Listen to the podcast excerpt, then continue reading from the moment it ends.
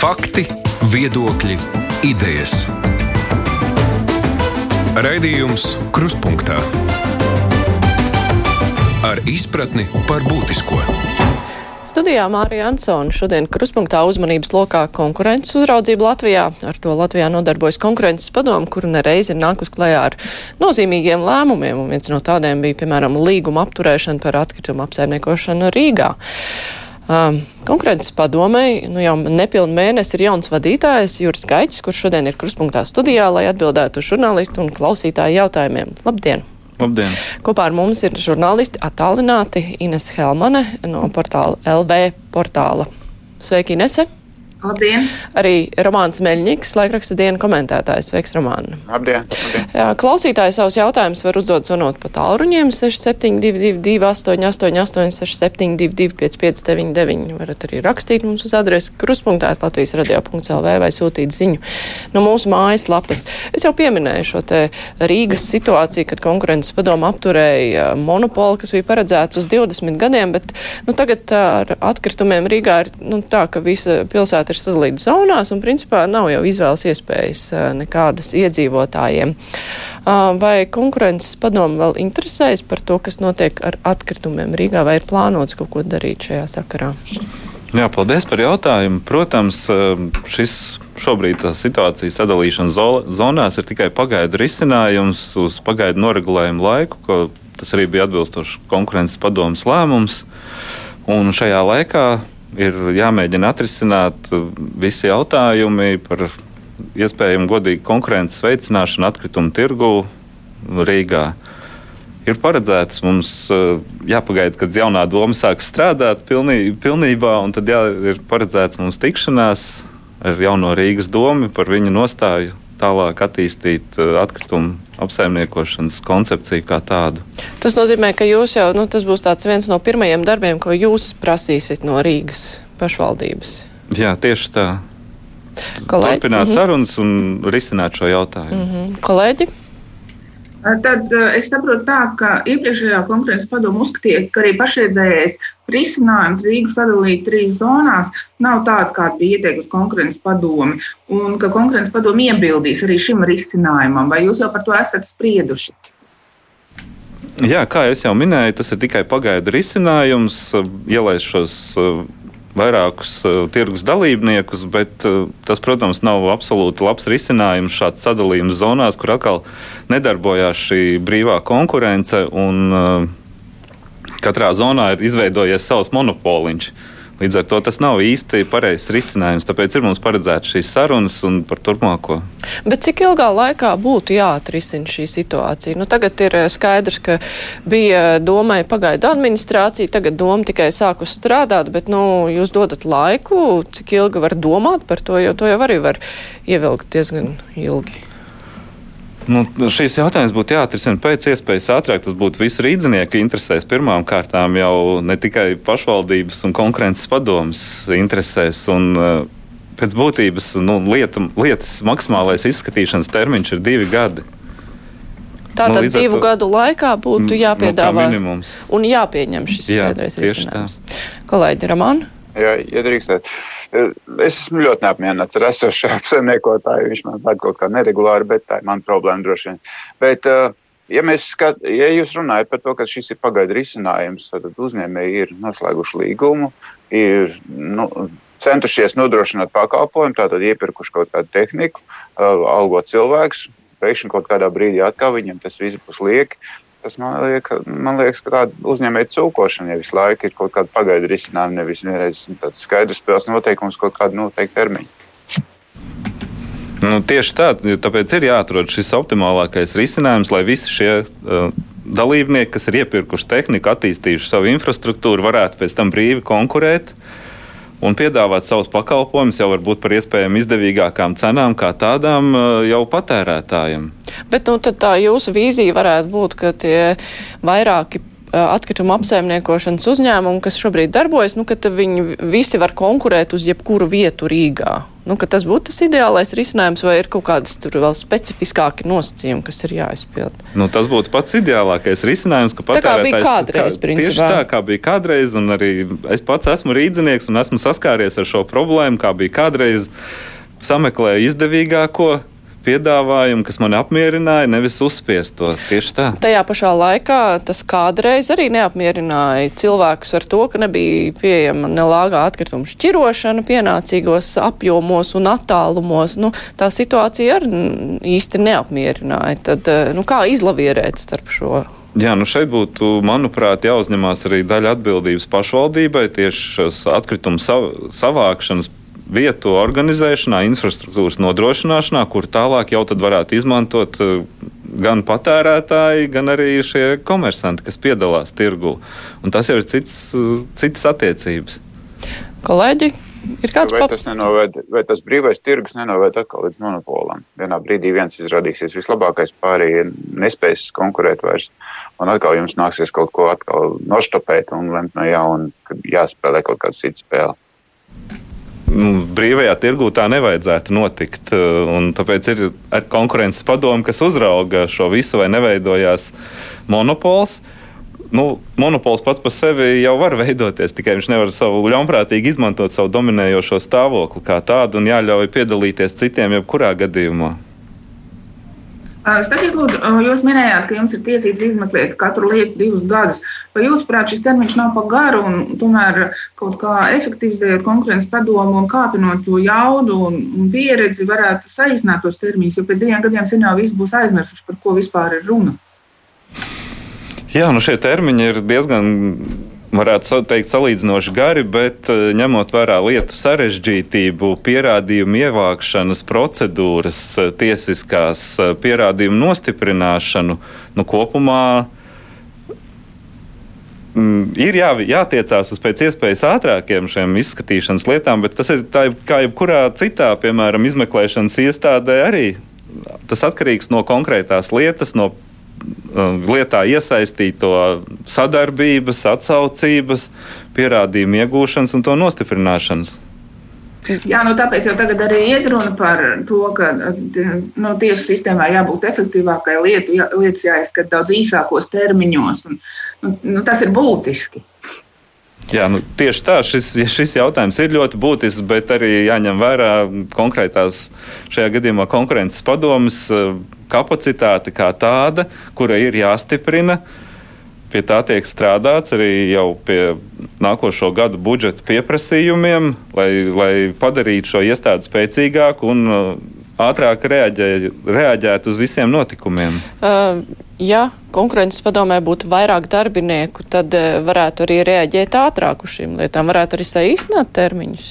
Tieši tā, tas ir gan darbinieku, kompetentu, entuziasmu pilnu darbinieku jautājums, kā arī cits tehniskais nodrošinājums, kas ir pieejams. Bet, nu, ja tā salīdzinoši, nu, tad cik vairāk darbinieku ir vajadzīgi, lai varētu lietas izskatīt, es nezinu, nevis divus gadus, bet gadu, piemēram? Tā uzreiz, iespējams, to nav tā vienkārši pateikt, bet uh, katrā ziņā tas, kas ir šobrīd, tas ir tiešām nepietiekami. Nu, vismaz nu, divi tik tas jau būtu sapnis. Uh, un tad varētu arī plašāk šo spektru noklāt tirgus uh, uzraudzībā un, un citos jautājumos. Uz nākamo gadu jau ir paredzēts vairāk naudas konkrētas padomē. Tā ir? Šobrīd ir budžeta valdība ir ielikusi budžetā papildus līdzekļus. Un ko konkurences padomu par to varēs izdarīt?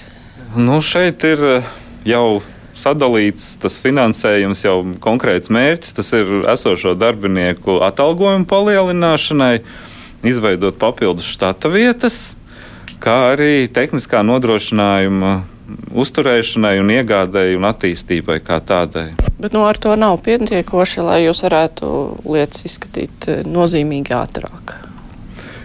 Nu, vajadzētu censties šobrīd ar to, kas ir, piešķir, kas ir paredzēts piešķirt, uh, nu, kāpināt šos uh, izskatīšanas tempus un kvalitāti. Nu jā, kolēģi, Romāna. Jā, es uh, gribētu tādu plašāku jautājumu. Nu, parasti latviešiem ir tāds teiciens, jauns lots, tīrs lauka, nu, jauns vadītājs nāk, kaut kāda jauna skatījuma. Konkrēts jautājums, kas ir darīts nepareizi iepriekšējā periodā, ko konkurences padomei nu, vajadzētu darīt savādāk iepriekš? Es neuzskatu, ka kaut kas būtu darīts nepareizi. Pārskatot tagad vēsturiski nelielā sprīdī atpakaļ konkurences padomus attīstību, var redzēt, ka tā ir izgājusi jau dažādiem posmiem cauri. Tagad ir jāmēģina izanalizēt šo darbības veidu un metožu efektivitāte, pielāgojot esošajai situācijai, kā arī nu, jāskatās, kā viņas var apvienot un paņemt no katras šīs pieredzes pašu labāko posmu. Eh, tas, uz ko es skatos, vairāk ir mm, uz eh, tādu kā vispārēju novērošanu, tirgus procesu, konkrētu tirgus spēlētāju uh, izmaiņām, piemēram, apgrozījumos, pēkšņi kritumi, pēkšņi pieaugumi, tādējādi varētu šādi uzraugot, atrast tās vājās vietas kur, ir, kur var eh, redzēt, kur ir veidojušies kaut kādas aizliegtas darbības attiecībā pret konkurenci, kādas vienošanās. Eh, tādā veidā. Bet, uh, tā dati faktiski, es atvainojos, tā dati faktiski valsts sistēmās ir. Tad jautājums ir par to, ka trūkst kapacitātes viņus apstrādāt. Jā, tur jums ir pilnīgi taisnība. Kapacitāte ir nepieciešama, bet šeit ir ne tikai arī cilvēku resursi, bet arī dažādu tehnisko rīku nepieciešamība, kas, kas cilvēkam iedotu papildus informāciju ātrākai reaģēšanai. Bet, eh, nu, kā jūs, eh, jūs droši vien esat arī skatījies uz iepriekšējiem konkurences padomus lēmumiem un reakcijai, kas seko pēc tam. Uh, piemēram, CSDD jautājumā konkurences padomu pateica, ka ir jāievieš brīvais tirgus tehnisko apskašu nodrošināšanā. Nu, un tad no CSDD un satiksmes ministrijas puses seko kaut kādas darbības, bet rezultātā konkurences padomus pārstāvi joprojām nav apmierināti un, uh, lai arī ir paredzēts pārdot šo te, nu, uzņēmumu CSDD piedarošās daļas, lai varētu tie skaitīties tā kā citi uzņēmumi, bet nu, tie noteikumi kopā būs tādi, ka CSDD būs uzdraugs un diktēs spēles noteikumus un principā nekas būtiski nemainīsies un patērētājs neko neiegūs. Nu, kā jūs vērtējat to, ka konkurences padomu pasaka kaut kādu slēdzienu ar mērķi ieviest brīvu tirgu, lai cilvēkiem ir izdevīgāk, bet nekas nenotiek. Jā, nu, diemžēl jāsaka, šajos gadījumos liela nozīme ir politiskajiem lēmumiem un uh, kādas konkrētas ministrijas uh, darbības virzieniem. Uh, mans mērķis ir padarīt konkurences padomu par stipru, neatkarīgu iestādi, kuras viedoklī ieklausītos un ņemtu vērā. Uh, tieši arī nu, uz visiem šiem pašvaldību un valsts kapitāla sabiedrību uzņēm, uzņēmumiem to darbību brīvajā tirgū. Bet jums ir kaut kādi tādi slepeni instrumenti, nu kā ņemt vērā, jo arī iepriekšējā vadītāja centās, lai ņem vērā, viņa arī gāja, runāja un bija pārliecinoši, bet neņēma daudz ko vērā vienalga. Vai ir kaut kāds tāds, vai ir nepieciešama kaut kāda likuma grozījumi, kas ir jāpanāk? Nu. Nu, šeit instrumenti varētu būt dažādi. Nu, šī politiķa ietekmēšana un pārliecināšana par to, ka tomēr uh, tirgu ir jābūt brīvai konkurencei.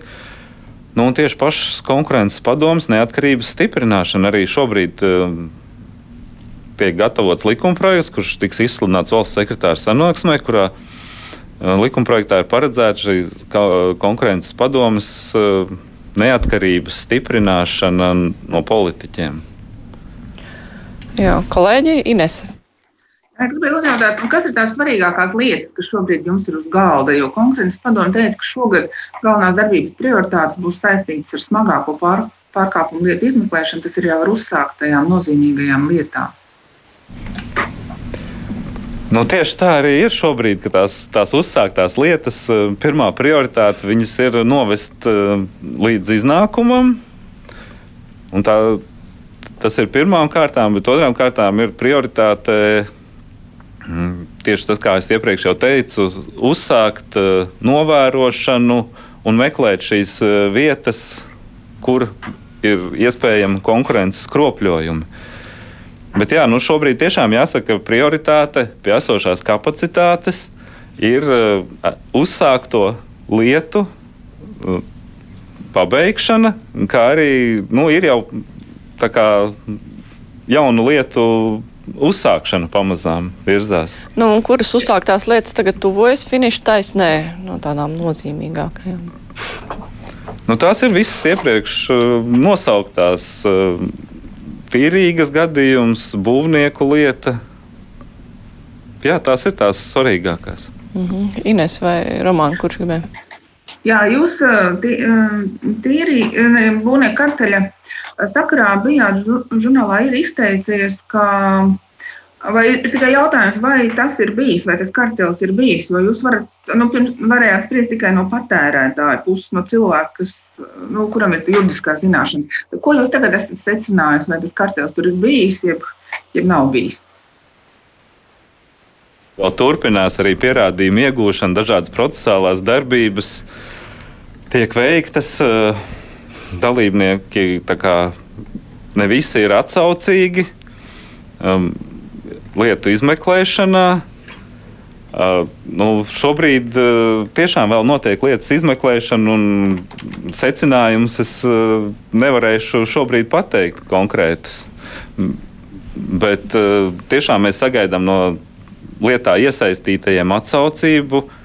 Ja viņiem ir ko papildus teikt, viņi ir vienmēr uh, aicināti izteikties, vēl papildus jau iesniegtajai informācijai, kā arī izmantot uh, iespējas pieteikties, ja viņi paši uzskata par nepieciešamu iecietības programmā. Tas ir ne tikai būvnieku lietā, bet jebkurā citā uzsāktajā lietā, lielākā vai mazākā, šādas iespējas, jebkurā stadijā ir nākt un uh, stāstīt vēl papildus tam, ko mēs esam pieprasījuši tieši konkrētā veidā, bet arī izteikt savu vēl vērtējumu un iespējams iesniegt kādus pierādījumus. Bet jūs sakat, jūs aicināt, ka viņiem vēl ir visas iespējas, bet nu, kāds ir nācis, kāds ir stāstījis?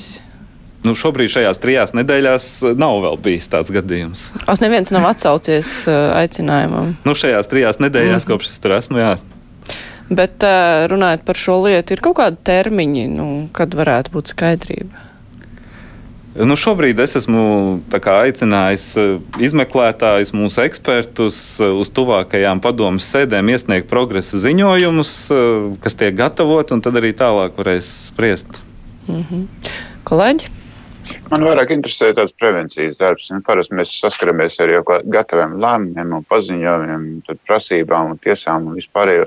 Bet nu, ir, ir kaut kādas situācijas, kad nu, veidojas kaut kāds kaut kādas tendences, kur jums vajadzētu pateikt, nu, nav labi tas ceļš, kur jūs ejat, varbūt nav pareizais, ejiet savādāk. Vai, vai beidzot, varbūt sāksiet strādāt tādā prevencijas mm, jomā vairāk, lai nenonāktu līdz tādiem kaut kādiem nu, lēmumiem, kad, kad jāsāk tiesāties. Konkurences padomu jau šodien, šobrīd ļoti aktīvi strādā prevencijas jomā. Uh, organizējot apmācības seminārus uh, gan tirgus dalībniekiem, gan, piemēram, pašvaldību darbiniekiem pie iepirkumiem. Kā arī mm, mēs saņemam nu, diezgan daudz sūdzības, uh, kuras tiek izskatītas, savākta vēl papildus informācija, kas ir sūdzībā minēta, minētajam, un, un, un notiek pārunas ar iesaistītajiem vienmēr Jūsu darbs pamatā ir nu, teiksim, skar uzņēmēju darbību, uzņēmēju darbību. Uh, vai notiek dialogs, vai ir iespējams dialogs ar uzņēmējiem, lai, lai nepieļautu kaut kādas konkurences pārkāpumus? Protams, no konkurences padomus puses tas ir viens no galvenajiem uzdevumiem šīs uh, palīdzība, konsultācijas. Šajā gadījumā ir jābūt atsaucībai no uzņēmēja puses un ieinteresētībai nākt konsultēties un prasīt padomu. Tieši pie vadītāja jānāk. Te Romāns prasīja, vai tieši pie vadītāja jānāk? Vai, var pie jebkura konkurences padomas darbinieka nākt tieši tā. Jā, mums klausītāji arī raksta vēstules. Klausītāji vaicā, kuras ir lietas, pie kā jūs vēlētos pievērsties? Varbūt ir kāda klusāka un netik populāra ideja. Nu, kas ir jums, nu, jūs teicat, esat amatā neilgu laiku, bet vai jums ir skaidrs, nu, ka šeit ir pētāma lieta, ka tur ir jāķerās klāt? Ir kaut kāda tāda? Nu, šobrīd varētu teikt, viena no aktualitātēm ir valsts un pašvaldību kapitāla sabiedrību dalība tirgu. Un pie tā arī ļoti aktīvi strādājam, lai nu, ierobežotu šajā gadījumā tieši valsti ar savām atbalsta mehānismiem veicināt kādā veidā savu uzņēmumu darbību. Visām valsts un pašvaldības, eh, pašvaldībām eh, par savām kapitāla sabiedrībām ir jāiesniedz eh, novērtējumi līdz šī gada beigām, kurus mēs rūpīgi skatām. Jā, diemžēl mēs esam jau konstatējuši tādus gadījumus, kur paralēli ir šis izvērtējums no pašvaldības iesniegts. Esam saņēmuši sūdzību kaut kad, kad ir pretrunīga informācija, ko mēs esam ieguvuši sūdzības izskatīšanas laikā no tā, kas ir iesniegts novērtējumā. Ir tādi arī gadījumi. Jā, mums klausītājs ir piezvanījis. Halo! Jā. Labdien, lūdzu! Man, man tāda lieta ir, kas stāv Valmiera par izņēmumu, ka viņi drīkstēja celt īres nams. Tas ir konkurences pārkāpums. Nevienā citā pilsētā tas netika atļauts. Bet tagad jau es saprotu, ka tas ir kā norma tagad ir. Tas, tas ir rūpīgs pārkāpums, tas ir izredzētiem kaut kā. Jo pašvaldības nevarēja eh, konkurēt. Vai jūs saskatāt pārkāpumu? Jo nu, pašvaldība teica, neviens neceļ, nu tad mēs ceļam. Nu, tieši tā, šeit eh, pašvaldība var darboties tajā vietā, kur nav neviena dalībnieka, un tas ir strateģisks nozīmes eh, jautājums. Dzīvojamā fonda uzturēšana ir pašvaldības uzdevums kā tāds jau pēc likuma un pēc pašvaldību visiem nosacījumiem. Uzturēt dzīvojamo fondu savu priekš eh, maznodrošinātajiem. Kā tas tālāk izvēršas, tas jau ir nu, jautājums neva, nemaz tik daudz konkurences, bet gan eh, uzraugošo citu institūciju no pašvaldību uzraudzības, piemēram, varams vai valsts kontrole, kā tiek tālāk realizēts. Bet, ja tas skar brīvo tirgu, tad tajā brīdī tas ir konkurences jautājums. Bet cik es zinu, katastrofāli visās pašvaldībās tomēr trūks šo īres dzīvokļu un vietu, kur, kur var piesaistot, eh, piemēram, speciālistus uz slimnīcām, pašvaldību, kur var nodrošināt dzīves vietu. Bet eh, nu, par eh, to, ko jūs teicāt iepriekš, ka jūs pievērsīsieties valsts un pašvaldību iesaistēji uzņēmēju darbībā, vai jums ir kaut kādi piemēri, nu, tie sliktie piemēri, teikt, Valmiera klausītājs saka, tur jūs nesaskatat, ka ir pārkāpums. Ir lietas, kur jūs saskatat? pārkāpumus? Pārkāpumus eh, nu šobrīd mēs eh, nevarētu teikt, ka tie ir pārkāpumi, ko mēs saskatām. Tie ir vairāk gan eh, mūsu novērojumi, kā nevajadzētu darīt katrā atsevišķā gadījumā, iesaistoties piemēram ūdensvadu būvniecībā vai kas, ko pašvaldības veids, pašvaldību uzņēmums, ka tur vajadzētu tomēr laist privātos iekšā šajā darbībā. Nu, tādas veids, bet. Uh, Jā, nu arī tās pašas telpu iznomāšanas ir atsevišķi gadījumi, kur. Bet tur jau pašvaldības pašas veicot šo izvērtējumu, ir konstatējuši, ka viņi likvidēs savu kapitāla sabiedrību, ka tā viņai nav nepieciešama. Tiešām tas arī vairāk tādu gadījumu ir, kur izvērtējumā secina, ka jā, tiešām nav vajadzīgs. Un īstenībā sen jau viņiem vajadzēja tādu izvērtējumu pie sevis veikt, ne tikai gaidīt to, kad likums to uzdos. Kolēģi? Jūs esat teicis, ka ar šo likumu, kas stājās spēkā no šī gada 1. janvāra, konkurences padomē vajadzēja dot tiesības ne tikai vērsties pret kapitāla sabiedrībām, bet arī pret kapitāla daļu turētājām pašvaldībām kuras pašlaik ar vērienu iesaistās uzņēmējdarbībā, kuras varētu veikt privātais bizness. Ko, ko jūs ar to domājat? Kāda tā veida uzņēmējdarbība ir, kur kapitāla sabiedrības, eh, kur pašvaldības to kapitāla daļu turētāji iesaistās uzņēmējdarbībā? Nu, tas vairāk ir domāts kā papildus instruments eh, gadījumos, ja nereaģētu pašvaldība vai valsts eh, kā kapitāla daļa turētājs uz mūsu norādījumiem attiecībā, ka vienā vai otrā vietā būtu jāpārtrauc savu uzņēmējdarbību un jāļauj citiem darboties, vai, vai mēs redzam, ka valsts vai pašvaldības uh, kapitāla sabiedrība piedāvā savu pakalpojumu pa ievērojami zemākām cenām, dotējot to no sava budžeta, vai, vai kā savādāk, piemēram, zaudējumu sekšanā iegulda pamatkapitālā. Nu, tie ir tādi dažādi veidi, kā pašvaldības uztur to. Un, un ja mēs to redzam, un pati pašvaldība uzreiz vai kapitāla sabiedrība nereaģē, tad nu, tas būtu kā papildus instruments. Nu, līdzīgi kā valsts kontrole vēršās prokuratūrā par saviem atklātajiem pārkāpumiem, un tālāk jau ir noteikta procedūra, kas notiek. Ja vai šis, šis, es atvainojos, vai šis tikko teiktais neatiecināms arī uz uh, AirBaltika, piemēram, valsts atbalstu? Valsts uh, tomēr ļoti cenšas noturēt šo sabiedrību, kaut gan ir kā brīvais tirgus. Jā, nu jāsaka, ka šo jautājumu es neesmu pētījis tieši, bet uh, ņemot vērā to, ka mm, tieši avio sabiedrībām arī ir atbalstījusi gan Eiropas komisija šos ieguldījumus, tādējādi uzturot to biznesu kā tādu. Iespējams, ka tur varētu pētīt šo lietu Bet jā, es neesmu to vēl darījis. Jā, bet jūs minējāt, ka ir pašvaldības, kas iegulda kapitālā, lai viņš nebūtu negatīvs. Kuras tās ir? Varbūt jūs varat minēt kādu konkrētu piemēru, kas uztur savu uzņēmējdarbību tādā veidā. Mm, nē, es šobrīd negribētu minēt. Tas bija kā piemērs eh, par šīm eh, sliktajām darbībām, ko, ko dara pašvaldības, šķērsubsidē dažādus pakalpojumus. Uh, bet kā konkrēti piemēru es nu, tiešām negribētu minēt, uh, bet tas ir vispārinājums. Uh, varbūt, varbūt sadzirdēs kāds, kas to ir darījis, un ka mēs to arī pamanām. Jā, es gribētu atgādināt Latvijas radio klausītājiem un Latvijas televīzijas skatītājiem, ka šodien mūsu studijā ir konkurences padomas vadītājs Juris Gaiķis un arī žurnālisti Ines Helmana LV no LV portāla un Romāns Miļņiks no laikraksta diena. Turpināsim tūlīt. Raidījums Krustpunktā. Klausītājs atrakstīs tādu vēstuli. Konkurences padoms mērķis ir veicināt konkurences attīstību visos tautsaimniecības sektoros sabiedrības interesēs. Tā ir definīcija no jūsu mājaslapas. Ko jūs domājat par sabiedrisko mēdīju apvienošanu? Vai tas notiks sabiedrības interesēs?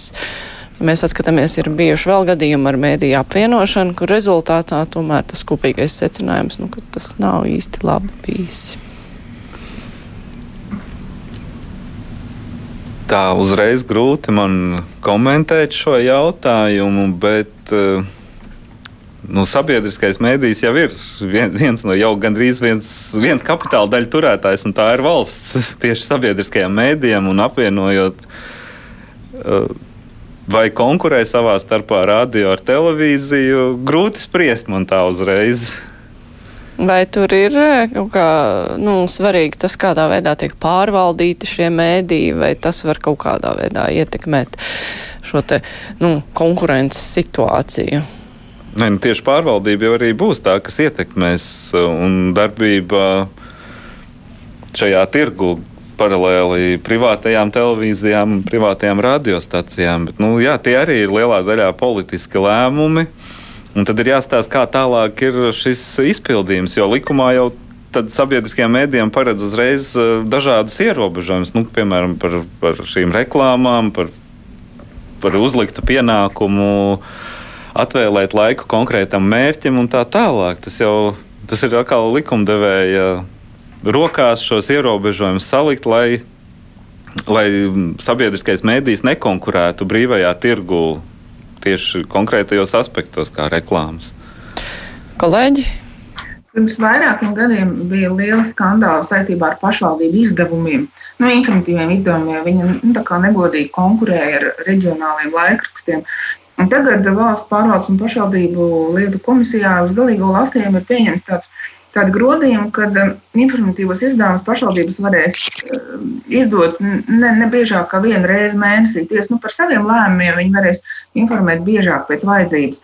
Vai šāds, šāda likuma grozījuma apmierina konkurences padomu, ir panāks tas mērķis, lai, lai brīvajā tirgu pašvaldības izdevumi nekonkurētu? Nu, varētu teikt, ka gandrīz ir panākti šie mērķi, jo arī ne tikai tas, ka vienreiz mēnesī, bet arī saturs jau diezgan ir eh, reglamentēts, ko var pašvaldības savā savā izdevumā publicēt. Un mēs arī vienlaicīgi esam izskatījuši vairākas lietas, nu, sūdzības par, par, par dažādu pašvaldību rīcību attiecībā pret vietējiem citiem privātajiem mēdījiem, kas ir Un, un vienlaicīgi arī mājaslapā tieši publicējām ieteikumus pašvaldībām tomēr pievērst uzmanību un nodrošināt eh, vienādu šo informācijas plūsmu visiem, visiem mēdījiem, un, un eh, tajā skaitā nekonkurēt ar šo tagad ar vienreiz mēnesī izdodamo avīzīti. Kolēģi, Romāni? Saka, nu, konkurence parasti tāds pretnostatījums konkurencei ir iekšējā tirgus aizsardzība, vietējā tirgus aizsardzība. Mediju jomā mēs to redzam saistībā ar diezgan izteiktu um, nu, tādu spiedienu no, no austrumu puses, no austrumu puses medijiem, kuri, kuri ietekmē mūsu liela daļa sabiedrības. Uh, mēs nu pat tās dzirdējām, uh, piemēru ar uh, Latvijas valsts mežu um, koksnes pārdošanas nosacījumu maiņu, kad viņam jā, jātirgo tam, kas ir vislētāks. Tad cietīs vietējie arī zāģētāji, jo koksne varētu aiziet, apaļbāļķi varētu aiziet uz Ķīnu, piemēram. Kā sabalansēt to vajadzību uzturēt vietējo biznesu, aizsargāt vietējo biznesu, aizsargāt vietējo tirgu ar tādu brīvo konkurenci, kur nu, dažkārt lielās globālās kompānijas vai lielās valsts var būt spēcīgāks par mūsējiem. Jā, paldies. Šis tiešām ir ļoti svarīgs jautājums, un, un, un, un to es arī esmu izvirzījis kā prioritāti. Uh, šīs konsultācijas uh, vietējiem uzņēmumiem, kā viņiem darboties un cīnīties ar uh, lieliem uzņēmumiem, kā viņi varētu priekš kaut kāda sava pasākuma apvienoties un, un sākt konkurēt ar lielajiem uzņēmumiem, neveidojot savukārt šeit eh, kaut kādu um, monopolu priekšietējā tirgus, kur varētu mums kāds cits ierosināt kādu pārkāpumu, ka mēs esam, ka valsts vai, vai, vai mūsu uzņēmumi nelaiž tirgu citus dalībniekus no Eiropas, piemēram. Jā, nu šis, šis ir ļoti grūts uzdevums, un pie tā ir, esam pamazām sākuši strādāt šajā, arī šajā virzienā. Bet jums pietiek tam kapacitātes? Iepriekš bija teikts, ka nu, jau tā cilvēku nepietiek. Nu, vēl uz tādām konsultācijām. Jā, nu šis arī ir tāds uh, duāls jautājums par to kapacitāti, jo mm, šis uzdevums ir pietiekami interesants uh, priekš visas sabiedrības, dēļ kā vērts ir arī ieguldīties paralēli jau izskatot konkrētās lietas. Un, un šis ieguldījums varētu rasties arī tieši no prakses, no pieredzes, iz, no konkrēto lietu izskatīšanas, bet paralēli domājot par dažādiem šiem procesiem, ko varētu iekšēji Latvijas tirgu veidot Tieši tā. Mums ir klausītājs ļoti konkrēti jautājumu atrakstījis. Kā jūs vērtējat to, ka valsts profesionālās izglītības iestādes, izmantojot savu materiālu tehnisko bāzi, kuras izveidē un uzturēšanai saņem valsts un Eiropas Savienības fondu finansējumu, piedalās pieaugušo personu izglītošanā un konkurē ar privātajām izglītības iestādēm, kurām tā materiāla tehniskā bāze ir jāuztur nu, par saviem līdzekļiem? Tas arī veselības aprūpē ir bijis aktuāli.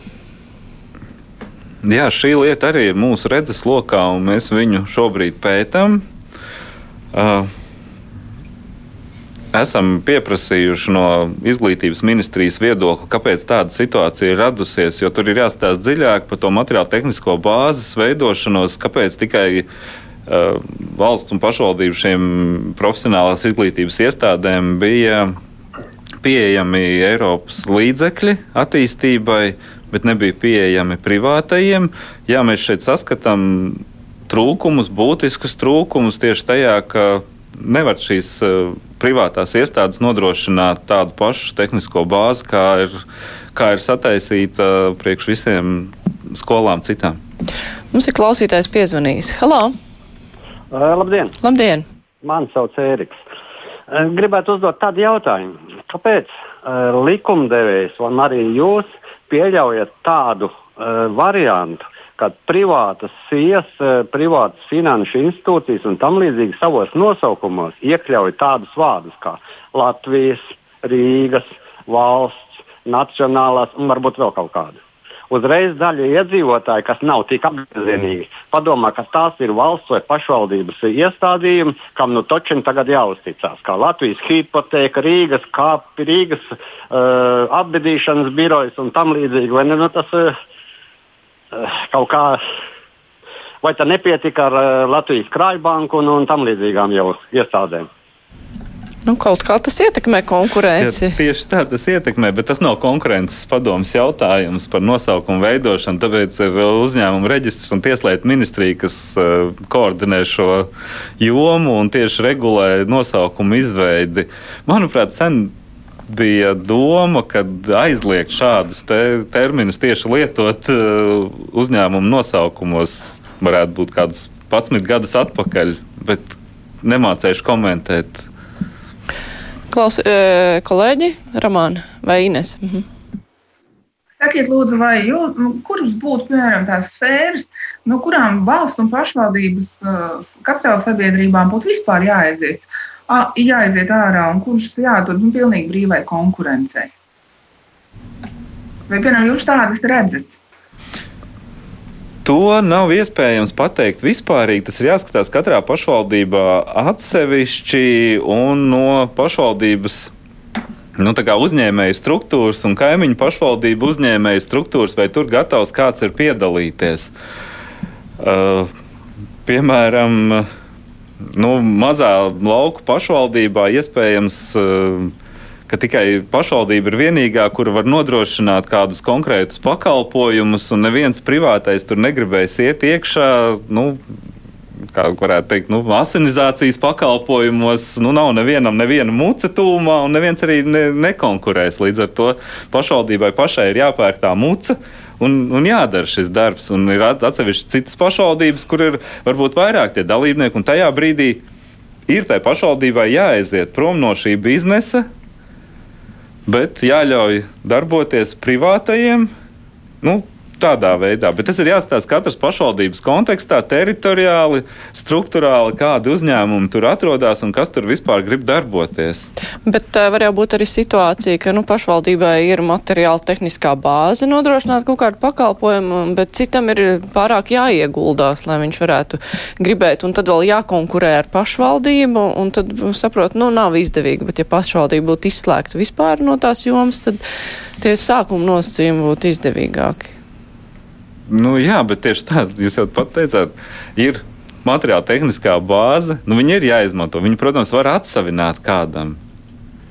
Bet tas būs vienīgais, kurš tur darbosies, kurš arī iegādāsies to. Un vai viņš, viņam tad būs monopols, un vai viņš darbosies regulējumā jomā vai nedarbosies. Nu, tur tiešām jāvērtē pašvaldībai pašai, vai tas ir strateģiski nozīmīgi, vai viņi uztur to cenu līmeni pietiekamu nu, zemu, lai visi varētu šo pakalpojumu pirkt. Nu, tādā veidā tas ir tieši konkrētas pašvaldības kontekstā jāskatās. Kolēģi, Roman? Vēl es gribēju pie jūsu pašu konkrētas padomas darba. Ar jūsu atnākšanu vai Nu, jūs, protams, nācāt ar savu skatījumu, kas varbūt atšķirās no iepriekšējās vadītājas skatījuma, vai daudz darbinieku aizgāja prom nu, tajā brīdī, kad mainījās vadītāji, un vai, nu, vai jums ir izveidojies tāds pietiekoši labs kontakts ar esošiem darbiniekiem, lai, lai realizētu to, ko jūs stāstat. Vai nesanāk tā, ka jūs stāstat vienu un darbinieki dara citu? Nu, jāsaka, tā neviens darbinieks šobrīd nav aizgājis projām. Visi gaidīja jaunu vadītāju, un tad arī skatīsies, kā, kā tas notiek. Bet, protams, kontakts ar darbiniekiem es uzskatu, ka ir izveidojies. Es strādāju ar darbiniekiem. Es vienmēr, jebkurā savā darba vietā, esmu tieši strādājis ar darbiniekiem, ne tik, neievērojot pat uh, hierarhiju caur vadītājiem, bet uh, jebkura jautājuma risināšanā uh, kontaktējos tieši ar darbiniekiem un mēģinu uzturēt šo mm, kopējo kolektīvu tā, ir šī viedokļa apmaiņa. Neviens viedoklis nav uh, slikts. Uh, pēc būtības viņš ir viedoklis, kurš ir apspriežams. Tā kā nu, skatīsimies, kā tālāk ies. Klausītājs no ir. Jā. Romāna, jā, tu gribēji turpināt. No tās pašas sērijas apmēram. Vai jūsu darbinieki ir gatavi strādāt attālināti, ja Covid, piemēram, izplatītos daudz vairāk, vai esat gatavi tādam krīzes situācijai?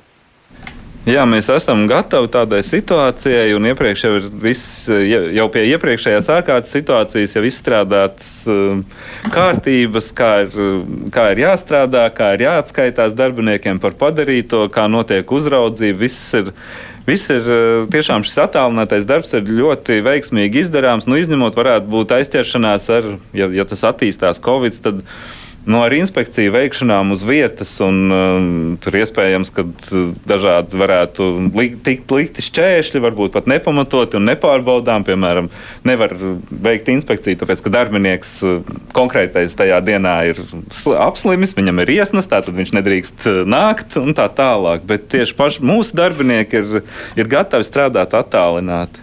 Mums ir klausītājs piezvanījis. Halo! Halo! E, Labdien! Man ir jautājums jaunajam konkurences vadītājam. Kā viņam, vai viņam redzes lokā ir doma e, skatīt ūdens starpības, pa ko cilvēki maksā? Kā saka, maksā par to, ko nav saņēmuši. Kā viņam izskatās tas jautājums? Vai tas ir jūsu? Tas nebūs konkurences padomas jautājums. Tas vairāk ir eh, patērētāja tiesība aizsardzības centra jautājums. un Viņi jau, jau šis jautājums, cik es zinu, ir patērētāja tiesība aizsardzības centra uzmanības lokā. Tieši šie skaitītāji, skaitītāju rādījumi pareizie, un tur notiek šīs lietas Bet, izpēta. bet runājot uh, arī par apsaimniekošanu, klausītājs grib saprast, vai Rīgas nama pārvaldnieks nekropļo konkurenci, jo konkurence neko nedod. Nu, ja tā ir teorētiski, bet cilvēki ir kā ķilnieki savās mājās un dzīvokļos. Eh, Klausītājs nav precizējis, eh, kāpēc viņi ir ķilnieki, bet eh, nu, tā problēma jau parasti ir, ka ir liels grūtības nomainīt apsaimniekotāju, īpaši lielajās mājās, nu, tāpēc, ka tur ir vajadzīgas balsu pārsvars, bet cilvēkus nevar savākt uz sapulcēm. Ļoti grūti tā lēmuma pieņemšana ir. Un tad uh, Rīgas nama pārvaldnieks uh, tā kā dominē un pēc klausītāja domām kropļo konkurenci. Jā, tas noteikti tā arī ir, bet šajā gadījumā tirgus sakārtošana būs pašu iedzīvotāju jautājums un aktīvāk uh, iesaistoties savas mājas apsaimniekošanas liktenī kā tādā. Nu, tur, tur bez tā neiztikt, jo jebkuru lēmumu var pieņemt uh, tieši mājas iedzīvotāji kopā. Un, ja tas tā nenotiks, tad, eh, tad tur būs tas Rīgas nama pārvaldnieks. Pašvaldībai atkal ir pienākums uzlikts ar likumu apsaimniekot to, ko neapsaimnieko citi. Un, ja iedzīvotāji paši aktīvi to nedarīs, tad eh, nu, konkurences padomu īsti šajā jautājumā tieši iejaukties nevar. Mm -hmm. Ines? Jā, konkurences padomus pirms kāda pusgada publicēja pētījumu par zāļu cenu veidošanās mehānismiem visā Baltijā. Sanāca, ka Latvijā ir visdārgāk, kaut gan tie tirgi ir salīdzinoši līdzīgi. Un secinājums bija, ka tas, tā, ka, ka tas ir tāpēc, ka zāļu uzturējuma mehānismi ir tādi noteikti, veselības ministrija tādas ir noteikti. Vai jūs turp, turpināsiet kaut kā strādāt ar veselības ministriju, lai, lai mums nebūtu dārgākās zāles Baltijā? Jā, protams, tas arī ir viens no mūsu aktuālajiem darbiem, sekot līdzi mūsu ieteikumu izpildēji šajā gadījumā no veselības ministrijas puses attiecībā uz šīm uh, cenu noteikšanas mehānismu, kas ir nostiprināts uh, normatīvajā regulējumā. Tāpat arī nu, šobrīd uh, par aptieku tīklu, ko, ko virza veselības ministrija, arī esam snieguši savu atzinumu, ka, ka īsti nepiekrītam šim, šai idejai ierobežot aptieku skaitu, attālums vienai no otras. Tas, jā, mēs aktīvi sekojam līdz notiekošajam ves- zāļu tirgu šajā gadījumā. Klausītājs ir raksta par olu tirgu. Viņš raksta, vai esat informēts par vietējā olu ražotāju Baltikovo darbībām, izmantojot gan politisko atbalstu, gan apkarojot konkurenci, vēršoties pret tiem dažādās valsts iestādēs ar mērķi nepieļaut konkurējošu ražotāju ienākšanu Latvijā, lai tādējādi turpinātu uzturēt tirgus dominējošo stāvokli reģionā, kas ļauj ietekmēt produkcijas cenas, vai šāda rīcība ir akceptējama un nebūtu izmeklējama. Savā laikā olu tirgus bija konkurences padomas uzmanības lokā vai tagad ir kaut kādi signāli, ka tur kaut kas nenotiek tā kā vajag? Nē, šobrīd nu, bija tā tirgus uzraudzība veikta par olu tirgu. Tas, tā, tā bija toreiz. Nu, šobrīd neesam sekojuši līdz olu tirgumu, jo nu, nav, nav bijuši tādi tik, tik lieli signāli. Bet kā jūs vispār saņemat signālus no iedzīvotājiem? Tagad varēja pieteikties tai balvai, um, kas ir kopā Nē. ar iepirkumu biroju, kur ir, nu, tas ir neiedzīgākais šķērslis konkurencei 2020. Nu, pirms tam arī bijuši tādi, nu, ka cilvēki informē, bet nu, tas ir veids, kā kaut ko nozīmīgi var atklāt. Cilvēki mēdz ziņot par nozīmīgām lietām. Jā, cilvēki mēdz ziņot, cilvēki mēdz ziņot par dažādām, gan nozīmīgākām, gan nenozīmīgākām lietām, bet tas ir kopumā skatoties. Es uh, saņemot jebkuru iesniegumu, skatos, ka jā, cilvēkam šī lieta ir nozīmīga un jāmēģina rast uh, kaut kāds skaidrojums vismaz, kāpēc tas tā ir, un varbūt izskaidrojot, tomēr tur nav šī konkurence kā tāda netiek eh, kropļota vai kas tam līdzīgs. Bet eh, jā, iedzīvotāji ziņo, ziņo komersanti par konkurentiem, īpaši ziņo par iepirkumiem, ziņo tie, kas nav vinējuši, paralēli cīnoties ar iepirkumu uzraudzības birojā, sniedzot sūdzības, arī sniedz mums sūdzības ar, ar savādākiem pierādījumiem, jau kur iespējami citādākām vienošanām vai tam līdzīgi. Jā, ir, šis ir viens no nu, avots, no kā mēs iegūstam uh, informāciju, bet uh, gribētos man stiprināt to pašu iekšējo avotu, to novērošanas uh, veidu. Un tādu rīku attīstīt, ka, ka mēs paši, paši, seko, no... paši -hmm. sekojam līdzi izmaiņām un dažādām anomālijām tirgū, lai varētu reaģēt.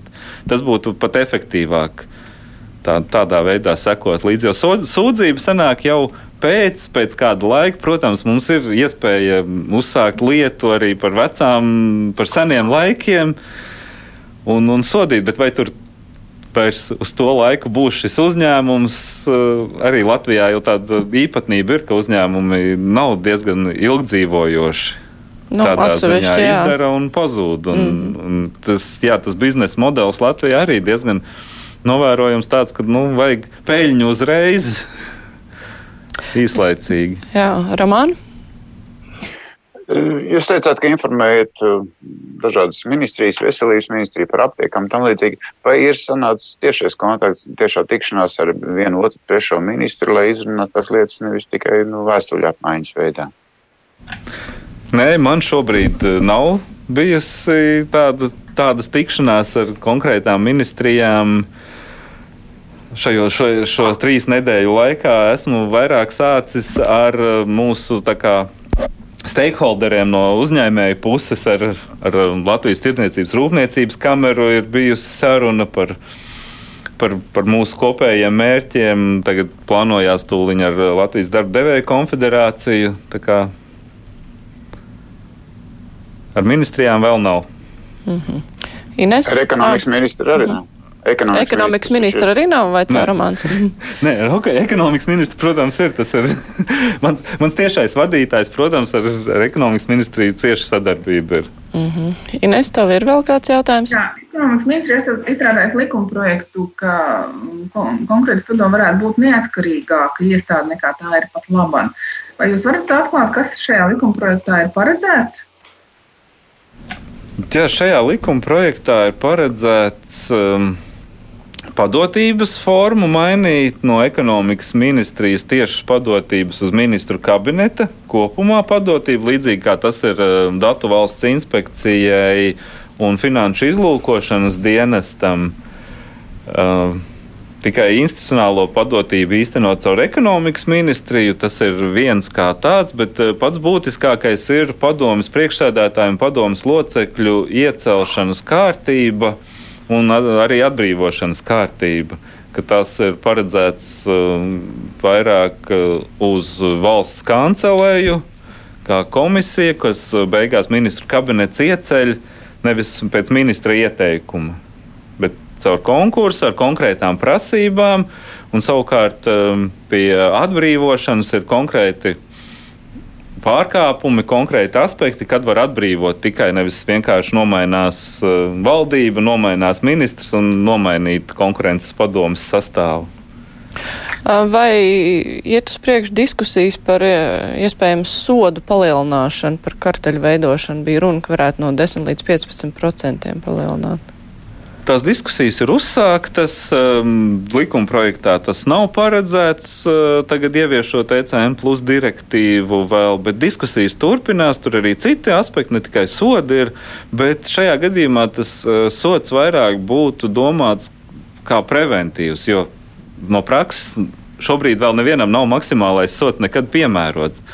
Bet tomēr, lai tie, kas iespējams domā veidot karteli, sāktu rēķināt, ka tas sots ir lielāks iespējamais nekā iegūms no viņu karteļa tajā brīdī.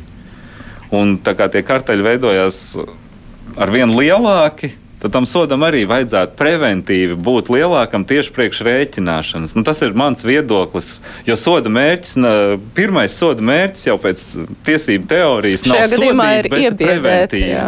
preventīvi darboties. Bet, nu, jūs jau pateicāt, ka nepiespriež. Nu, tā skaļi laikam nevar teikt. Bet viss mums laiks ir beidzies. Es teikšu paldies. Šodien kopā ar mums e, bija jaunais konkurences padomus vadītājs Juris Gaiķis, arī žurnālisti Ramāns Mēļņiks, e, laikraksts dienu komentētājs un Ines Helmana LV portāla žurnāliste. Paldies, ka varējāt atnākt. Rēdījums izskan producente Vijunām studijā bija Mārija Ansone. Vislabāk!